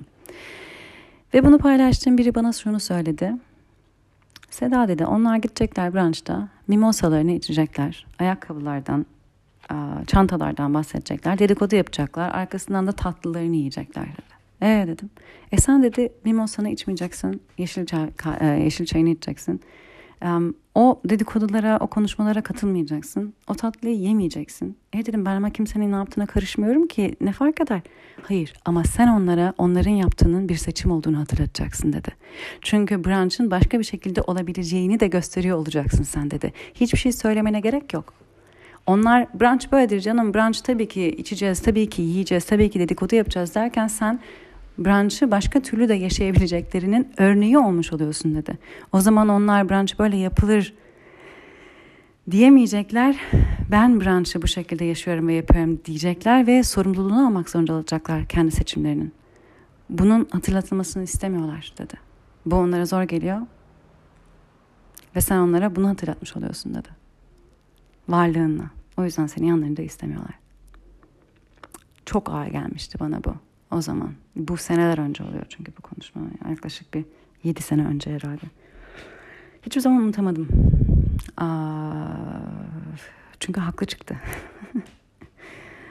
Daha sonra yaptığım konuşmalarda da haklı çıktı. Ee, ve maalesef ben bunu yaşıyorum. Mesela birilerine tatile gittiğimde ben yine erken yatıp erken kalkmayı seviyorum. Sabah pratiğimi yapmayı seviyorum. Ben tatildeyim diye illa e, içki içmek istemiyorum. Ben zaten tatlı pek yiyen bir insan değilim. Yersem en fazla vegan çikolata yiyorum. Ee, ve insanlara bana üf tatildesin ya pratiğini yapmasan olmaz mı? Ya işte tatildesin biraz içsen olmaz mı? Ya işte biraz yesen olmaz mı? Gibi şeyler söylüyorlar. Bunu niye soruyorlar hiçbir zaman anlamadım. Ne fark eder ben sana dokunmuyorum ki ben seni rahatsız etmiyorum ki bırak yatayım ben. Yani zaten sadece benle baş başa gelmedi. Hani ben yatınca sen tek başına kalmıyorsun grup olarak buradayız bırak ben gidip yatayım. Hani senin için tatil buysa benim için de tatil bu bırak ben de kendi tatilimi yaşayayım ve yapayım. Hayır ama bunu yapmak çünkü o zaman o insana da başka türlü seçimler yapabileceğini hatırlatıyor. Herkes hep beraber aynı şey yaptığında zaten burada böyle yapılır. Olduğu zaman seçimsiz bir şekilde onları yaşıyorsun gibi geliyor. Sorumluluğunu almıyorsun. Ama bir başkası farklı türlü yaşıyorsa o zaman senin yaptığın da bir seçim oluyor ve bu zor geliyor. O yüzden bazı insanları zaten varoluşumuz rahatsız ediyor. Bazı insanları bu kendi gölgelerinde kalabilmek, kendi gölgelerine kendine katabilmek, katabildiğin yerden varoluşunu büyütebilmek çok büyük bir lütuf olarak geliyor. Çünkü sen bu alanı kendine tuttukça bir başkasını da tutabiliyorsun. Ve başkası diyor ki ben gölgelerimle sevilmeyeceğimi zannediyordum. Görülmeyeceğimi, kabul edilmeyeceğimi, reddedileceğimi. Ama görüyorum ki sen kendi gölgenle oturabiliyorsun, kalabiliyorsun. Sen kendine bu sevgiyi, şefkati verebiliyorsun. Ve görüyor ki o kendi gölgesiyle kaldıkça ben de onun gölgelerini görüyorum. Çünkü bendekiler herkeste var. Bir şekilde onlar hepimizin bastırdığı, inkar ettiği yanlar var. Hepimizin gölgede bıraktığı tarafları var. Farklı farklı. Ama var. Ve diyorum ki kendimle kaldım seninkiyle de kalabilirim. Gel. Ve oturuyoruz karşılıklı. Birbirimize tutuyoruz o alanı artık. Birbirimizi görüyoruz.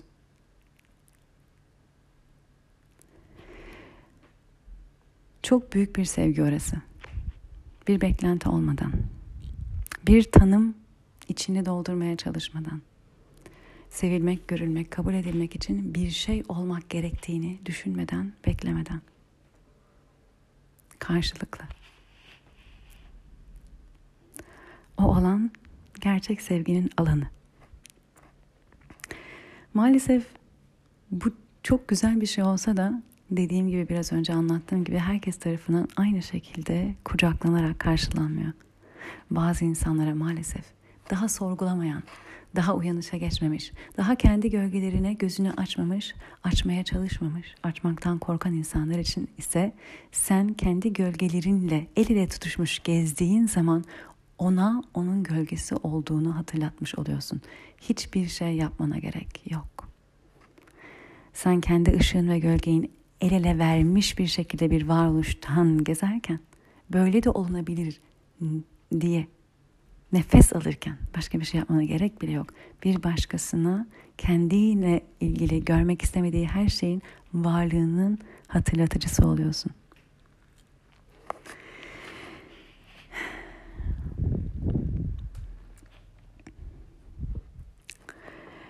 Şimdi bu dediğim gibi hayatta arkadaşlarımız olabilir, toplum içinde olabilir, okullarda olabilir, ailelerde, daha geniş çevrelerde, daha büyük alanlarda. Sorgulamaya başladıkça bunun sonu yok dedim size. Gerçekten yok. O zaman gerçekten size söylenen her şeyi, verilen tüm bilgileri daha farklı görmeye başlıyorsun. Daha farklı olabilir mi diyorsun? Bana bu şekilde anlatıldı bu hikaye anlatılanın bir hikaye olduğunu, olabileceğini kendini açıyorsun. Bana bu şekilde anlatıldı bu hikaye. Başka şekilde de olabilir mi? Çünkü kendine anlattığın birçok hikayenin veya annenin babanın sana anlattıklarının farklı şekilde anlatılabileceğini, farklı bir şekilde görülebileceğini ve sonunda farklı bir ana fikri çıkarılabileceğini deneyimlemişsin, görmüşsün. O zaman aynı soru işaretiyle yaklaşıyorsun her şeye. Medyanın sana anlattıkları,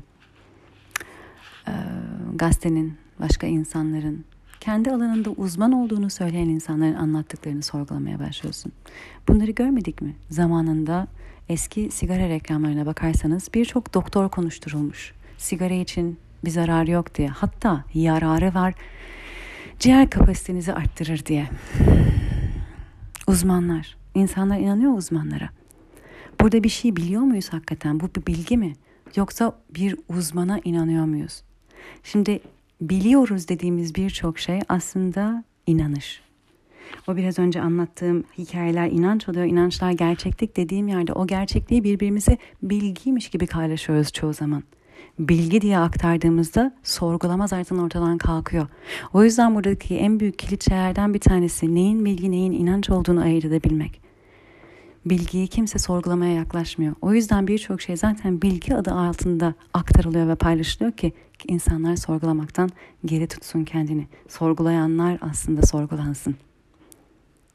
E uzmanlar paylaşıyor o zaman diyor doktorlar sigara için. E bu işin uzmanı, ciğer uzmanı, o bu şu. E onlar da böyle diyorsa inanıyor insanlar uzmanlara.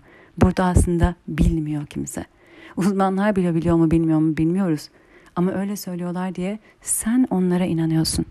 Bize verilen birçok şey ve belki de kendimizde bilgi diye inandığımız birçok şey aslında bir uzmanın bir başkasının kendi alanında, alanında uzman olduğunu düşündüğümüz birinin söylediklerine inançlarımız. Biz bilmiyoruz. Onlar biliyor olabilir. Onlar bile bilmiyor olabilir. Onu da bilmiyoruz. Ama biz onlar alanlarında uzman diye söylediklerine inanıyoruz. Buna gözümüzü açtığımızda aman Allah'ım biliyorum zannediyordum. Ne kadar şeyi bilgi diye zannettiğim şeyi bünyemde aslında birisinin bilgisine inanmak olarak taşıyormuşum ben. Peki gerçekten bu kişinin bana söylediğine ben inanabilir miyim? Bu kişinin söylediği hakikaten bir bilgi mi? Bilgi mi? Çünkü bunların değişebildiğini çok gördük. Bilgi diye söylenen şeylerin öyle söylemiştik ama Şimdi de bunu fark ettik. Böyleymiş. Öyle demiştik ama aslında şu insanlar için şu daha iyiymiş. Değişebiliyor. Değişebiliyor.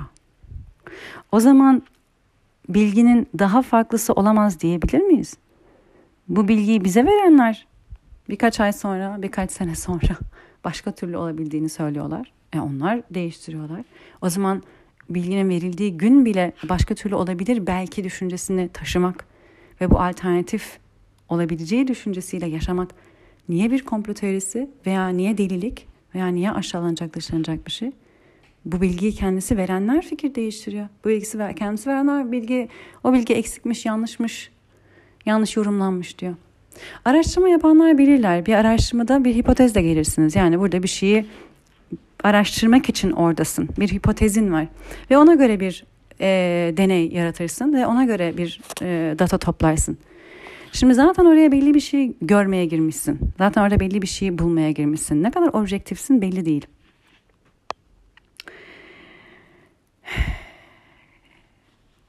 O datayı topladığın zaman eğer hakikaten objektif olma üzerinde çok çalışmadıysan o zaman o datayı almak istediğin sonucu alabileceğin veya ona yakın bir şey çıkartacak şekilde yorumlayabilmen veya manipüle edebilmen aslında oldukça kolay. Yeri geldiğinde tekrar tekrar yaparsın. Yeri geldiğinde bazı bilgileri dışında bırakırsın. Yeri geldiğinde çıkanı belli bir şekilde yorumlarsın. Bir şeylerin yerine oynatırsın. Bunları yaptıklarını ben çok gördüm. Deney yapmış bir insan olarak, araştırma yapmış bir insan olarak yapıldığını ben çok gördüm. O yüzden benim karşıma birisi araştırma yapılmış, bak böyle bulunmuş dediğinde benim ilk sorum kim yapmış, nasıl yapmış, kim bu araştırmanın parasını ödemiş, ne araştırıyorlarmış. ben soruyla gelirim. Bana birisi data bak bu bilmem ne diye geldiği zaman yani o rakamın öneminden çok bunu yine yapan insan. Bu deneyi yapan insan. Bu yazıyı yazan insan. Bunu yorumlayan kişi insan. O insan eğer kendi gölgeleriyle kalmadıysa, o insan eğer başka amaç niyetler, isteklerle güdülüyorsa, o insan eğer buradan bir çıkarı varsa, o insanın burada bulmaya çalıştığı bir şey varsa, görmeye çalıştığı bir şey varsa, ben bunun objektif, nötr bir bilgi olduğuna nasıl inanabilirim?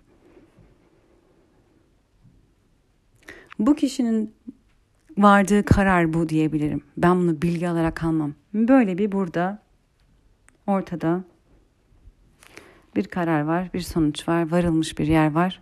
Bu bugün için böyle gibi gözükebilir ama alternatifi araştırmanın dışında bırakmaz. Alternatifini sorgulamanın dışında bırakmaz. Başka türlü olabileceğini düşüncesini bırakmayı gerektirmez. Bir başkasının kendi vardığı sonuç ve karar benim bakış açımı dikte etmez. Kişi bir başkasının kendisine sunduğu sonucu, kendi hikayesinin sonunda vardığı kararı, yorumu, inancı kendi inancı olarak almak zorunda değil. Kendi hayatının temeli olarak görmek zorunda değil başka türlü düşünebilme, başka bir yerden var olma, başka bir yerden değerlendirme imkanı, olanağı, alternatifi var. Hakkı var. Bugün geldiğimiz noktada birçok insan hayır diyor. Hayır, başka türlü düşünemezsin. Başka türlü göremezsin. Başka türlü yorumlayamazsın. Bunun tek bunun tek yorumu bu. Bunun tek anlaşılabilecek yeri bu. Bunun tek anlamlı e, olduğu yer bu bakış açısından diyor sana. Diyor ki hayır ben böyle düşünüyorum bu da benim bakış açım. Hayır sen yanlışsın diyor. Hayır bu benim bakış açım ben de böyle görüyorum. Hayır sen yanlışsın. Bu özgürlüğe müdahale arkadaşlar. Alternatiflere açık olan, sorgulayabilen, kendini belli bir tanımdan tanımlama ihtiyacı duymayan kişi özgürdür belli bir tanımın içini doldurma ihtiyacı duymaz. Belli bir şekilde düşündüğü zaman ancak kabul edilebileceği ve sevilebileceği korkusuyla, bu çünkü artık korku değil, bu bir inanç değil korku, korkusuyla yaşamayı bir kenara bırakan insan kendisi için doğru ve kendisi için geçerli ve kendisi için uygun olana kendini açan kişidir. Yaptığı kararlar gerçekten seçimden olur biraz önce bahsettiğim örneklerde olduğu gibi seçimsiz olduğunu düşündüğünden yaşamaz bir şekilde başka türlü bir imkan bakış açısı yorum olamayacağını düşündüğünden seçimsizlikten vermez kararını. Alternatiflere açık olduğundan özgürce seçim yapar. Korkuyla özgürlük insanların elinden alınıyor. Korku üzerinden yapılan hikayeler, inançlar ve yaratılan paylaşılmış büyük kitleler tarafından olan gerçeklikle aslında kişinin gerçek özgürlüğü elinden alınmış oluyor. Özgürmüşsün, seçim yapabilir misin gibi gösteriliyor ama o seçimler bile senin eline veriliyor 3-5 tane. Gerçek bir seçimden konuşabilir miyiz böyle bir durumda? Alternatiflerin yüz milyonlarca olabildiği yerde sadece sana üç seçim arasından veriliyorsa, o üç seçimden de sadece bir tanesinin kabul edileceği söylüyorsa, sizce gerçek bir özgürlükten konuşabilir miyiz? Bırakın başka şeyleri. İnsanların özgürlüğü elinden alınıyor kimse farkında değil. Bu bir şey yapabilme özgürlüğü değil bakın. Seçim yapabilmekten bahsediyorum. Dışarı çıkıp bir şey yapmaktan bahsetmiyorum bile. Kendin için geçerli olanı yaşayabilmek, ifade edebilmek, bunu pratik edebilmek, özgürlüğü. Sorgulamanın olmadığı yerde, olmasına izin verilmediği yerde asıl tehdit herkesin özgürlüğüne. Ve aslında hiç farkında olmadan insanlar o kadar korkutuldukları yerden özgürlüklerini elleriyle teslim ediyorlar bir başkasına. Seçimsiz olduğuna inanarak oradan yaşayarak elleriyle teslim ediyorlar özgürlüklerini. Yeter ki hayatta kalayım diyorlar. Yeter ki hayatta kalayım. En büyük ihtiyacım olan şey hayatta kalmak diyorlar. Unutuyorlar ki hayatta kalırken sadece nefes alabilecek kadar belki burunlarını çıkartabiliyorlar dışarı. Aslında kapattılar tüm varoluşlarının nefes alabilecek alanlarını. Her yer sıkıştı, her yer reddedildi, her yer inkarda.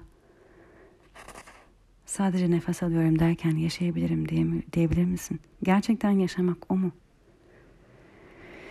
Hiçbir varoluşuna, isteğine, ihtiyacına, hiçbir ifadene, düşünce şekline izin vermezken kendine ve izin verilmemesini kabul etmişken ve sen de başkalarından bunu vazgeçmesini isterken özgür olabildiğini, yaşayabildiğini söyleyebilir misin kendine?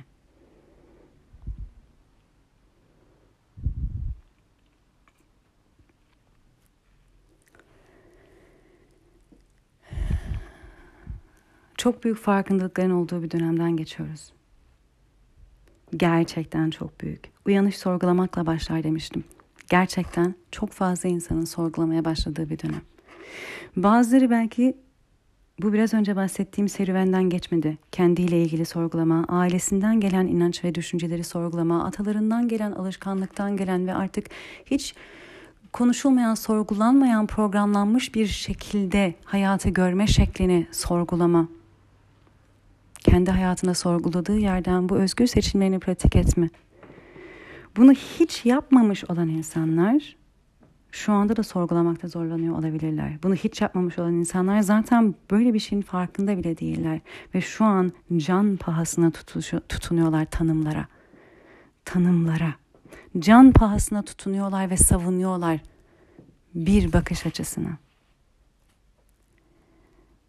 Bunu kendi hayatında yapmış olanlar, uzun zamandır yapıyor olanlar çok daha sorgulayıcı bir bakış açısına gelebiliyorlar bugüne söylenen birçok şeye soru işaretiyle bakıyorlar.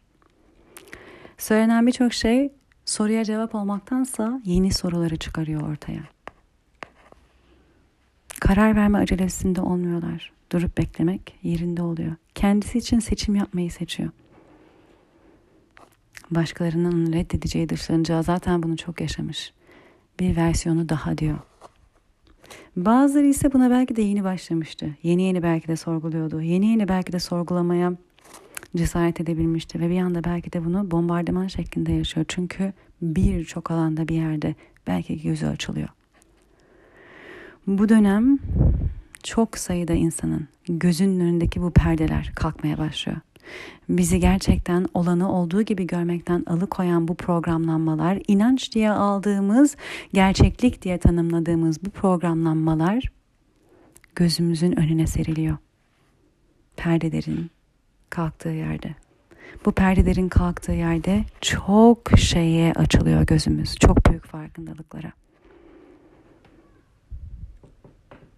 Hem kendi hayatımızda hem atalarımızdan gelen inanç sistemleri programlanmalarında hem de toplumsal büyük kitlelerde olan programlanmalara gözümüz açılıyor.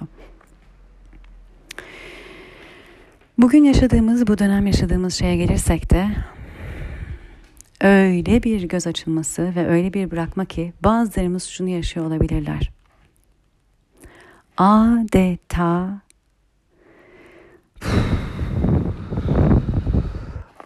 çok büyük bir ah, nasıl anlatayım kelimeler yetersiz kalıyor diyeceğim. Belki de bugüne kadar yaşamadığımız derecede büyük bir kendine uyanış. Ne sensin ne değil.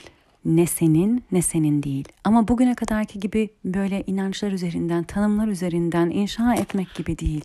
Tam tersine. Senin kocaman bir enerji olanın olduğunu düşün senin bedeninden çok daha büyük, çok daha geniş.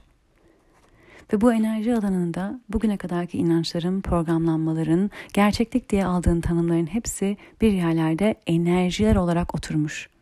Bunlar sana aktarılan, yaptırılan, ezberletilen bir sürü şey. Aslında senin enerji alanının, senin enerji imzanın diyelim bir parçası değiller. Bunların hepsi dışarıdan gelmiş veya senin kendi hayatında yaşadığın deneyimlerle kendi kendine oluşturduğun inançlar, düşünceler, kısıtlamalar bu enerji alanında pürüzlere neden olmuş. Enerji alanın adeta maalesef bozuk gibi, akaru bozuk gibi çalıyor. Senin enerji imzan tamamen ortaya çıkmış durumda değil. Hatta belki bu enerji akamadı bile. Senelerce, senelerce akamadı, tıkandı. Bu enerji alanın hiç kendine ifade bulamadı. Her türlü bastırımla, her türlü yaptırımla aslında belki de susturuldu çoğu yerde. Tıkanıklık yarattı.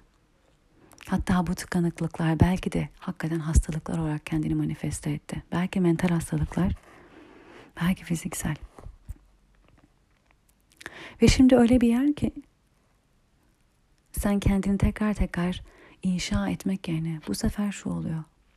Zaten belki de birçok yerde birçok bir arınmayı yaptın, temizliği yaptın, inşanı yaptın ama bu sefer öyle şeyler yaşıyorsun ki, öyle deneyimler, öyle dinamikler, belki de birçok inancı, birçok bugüne kadar gelmiş olan programlanmayı bir anda fark ediyorsun. Her gün sabahtan akşama kadar farklı farklı farkındalıklar, göz açıcı uyanışlar, sorgulamalar yaşıyorsun. Biri arkasında, diğeri, diğeri arkasında ona sabahtan akşama kadar dolu dolu bir şekilde. Ve bunların her biri aslında bir uyanış getiriyor sana ve her biri sisteminden o programlamayı, o inancı alıyor, çıkarıyor, arındırıyor. Sen kendini inşa etmiyorsun. Adeta sen varoluşunun içine doğru büyüyorsun. Seni bekleyen bir enerji.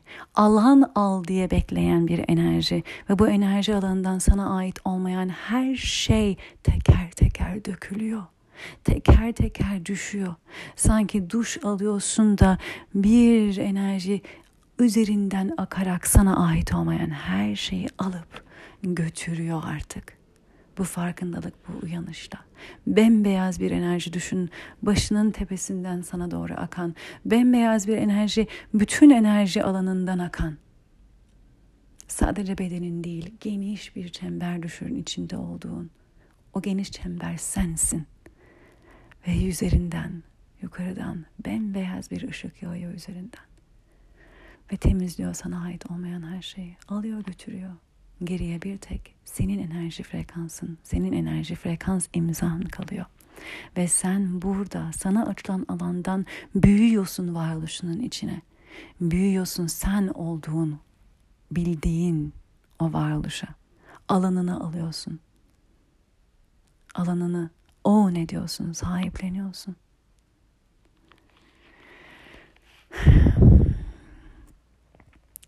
Bugüne kadar maskenle yaşıyordun. Maskelenmiş bir şekilde. Bu varoluşun susturulmuş bir şekilde yaşıyordu o inançlar, programlanmalar arkasında. Kendi sesini duyuramıyordu. Akorun hep biraz bozuk çıkıyordu. Ne kadar uğraşırsan uğraş, didinirsen dedin, tam olmuyordu tam sen olamıyordu.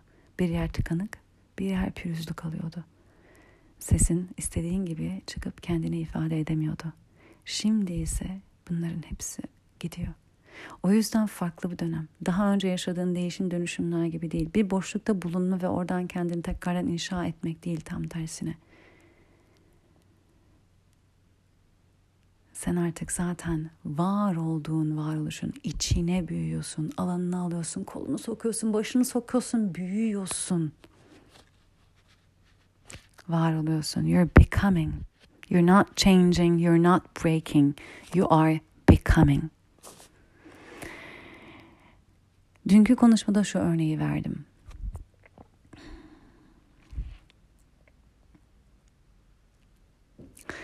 Süpermen'in maskesi Süpermen kıyafeti değildi.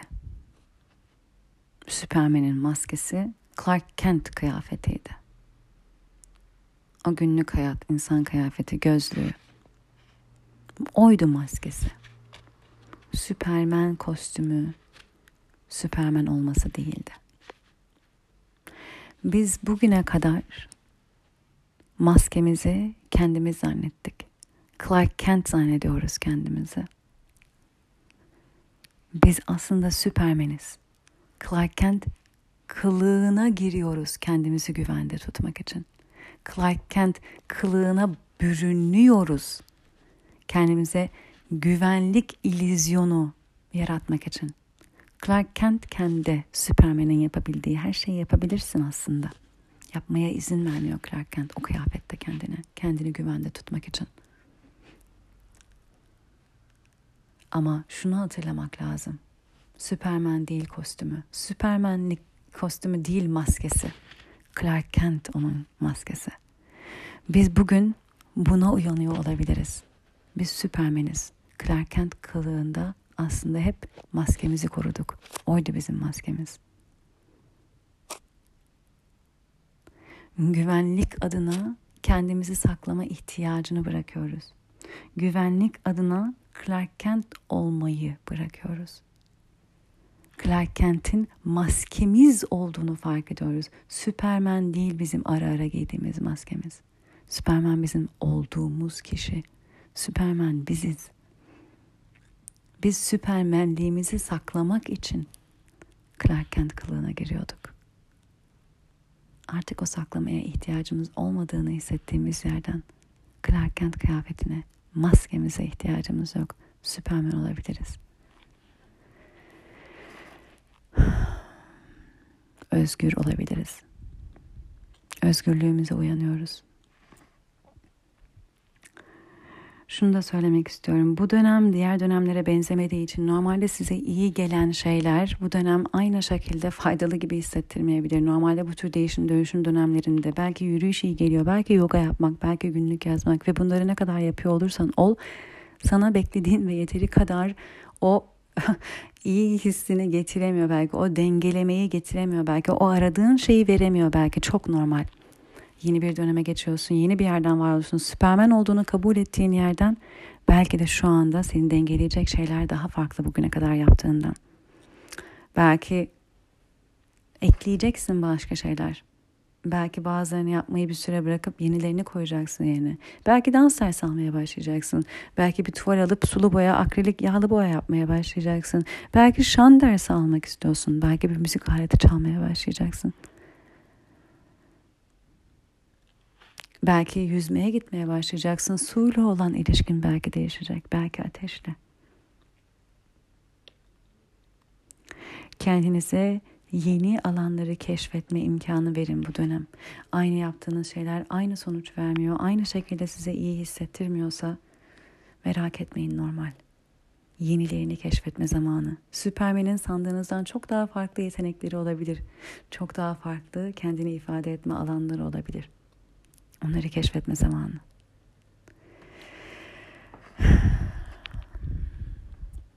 Sorularla kalabildiğiniz bir dönem dilerim size. Her şeyin cevabı olmak zorunda değil. Cevaplar diye zaten bizi uyanışa götüren soru sorabilmek, soru sormaya izin verebilmek, alternatifin olabildiği düşüncesi ve imkanını kendimize sunabilmek.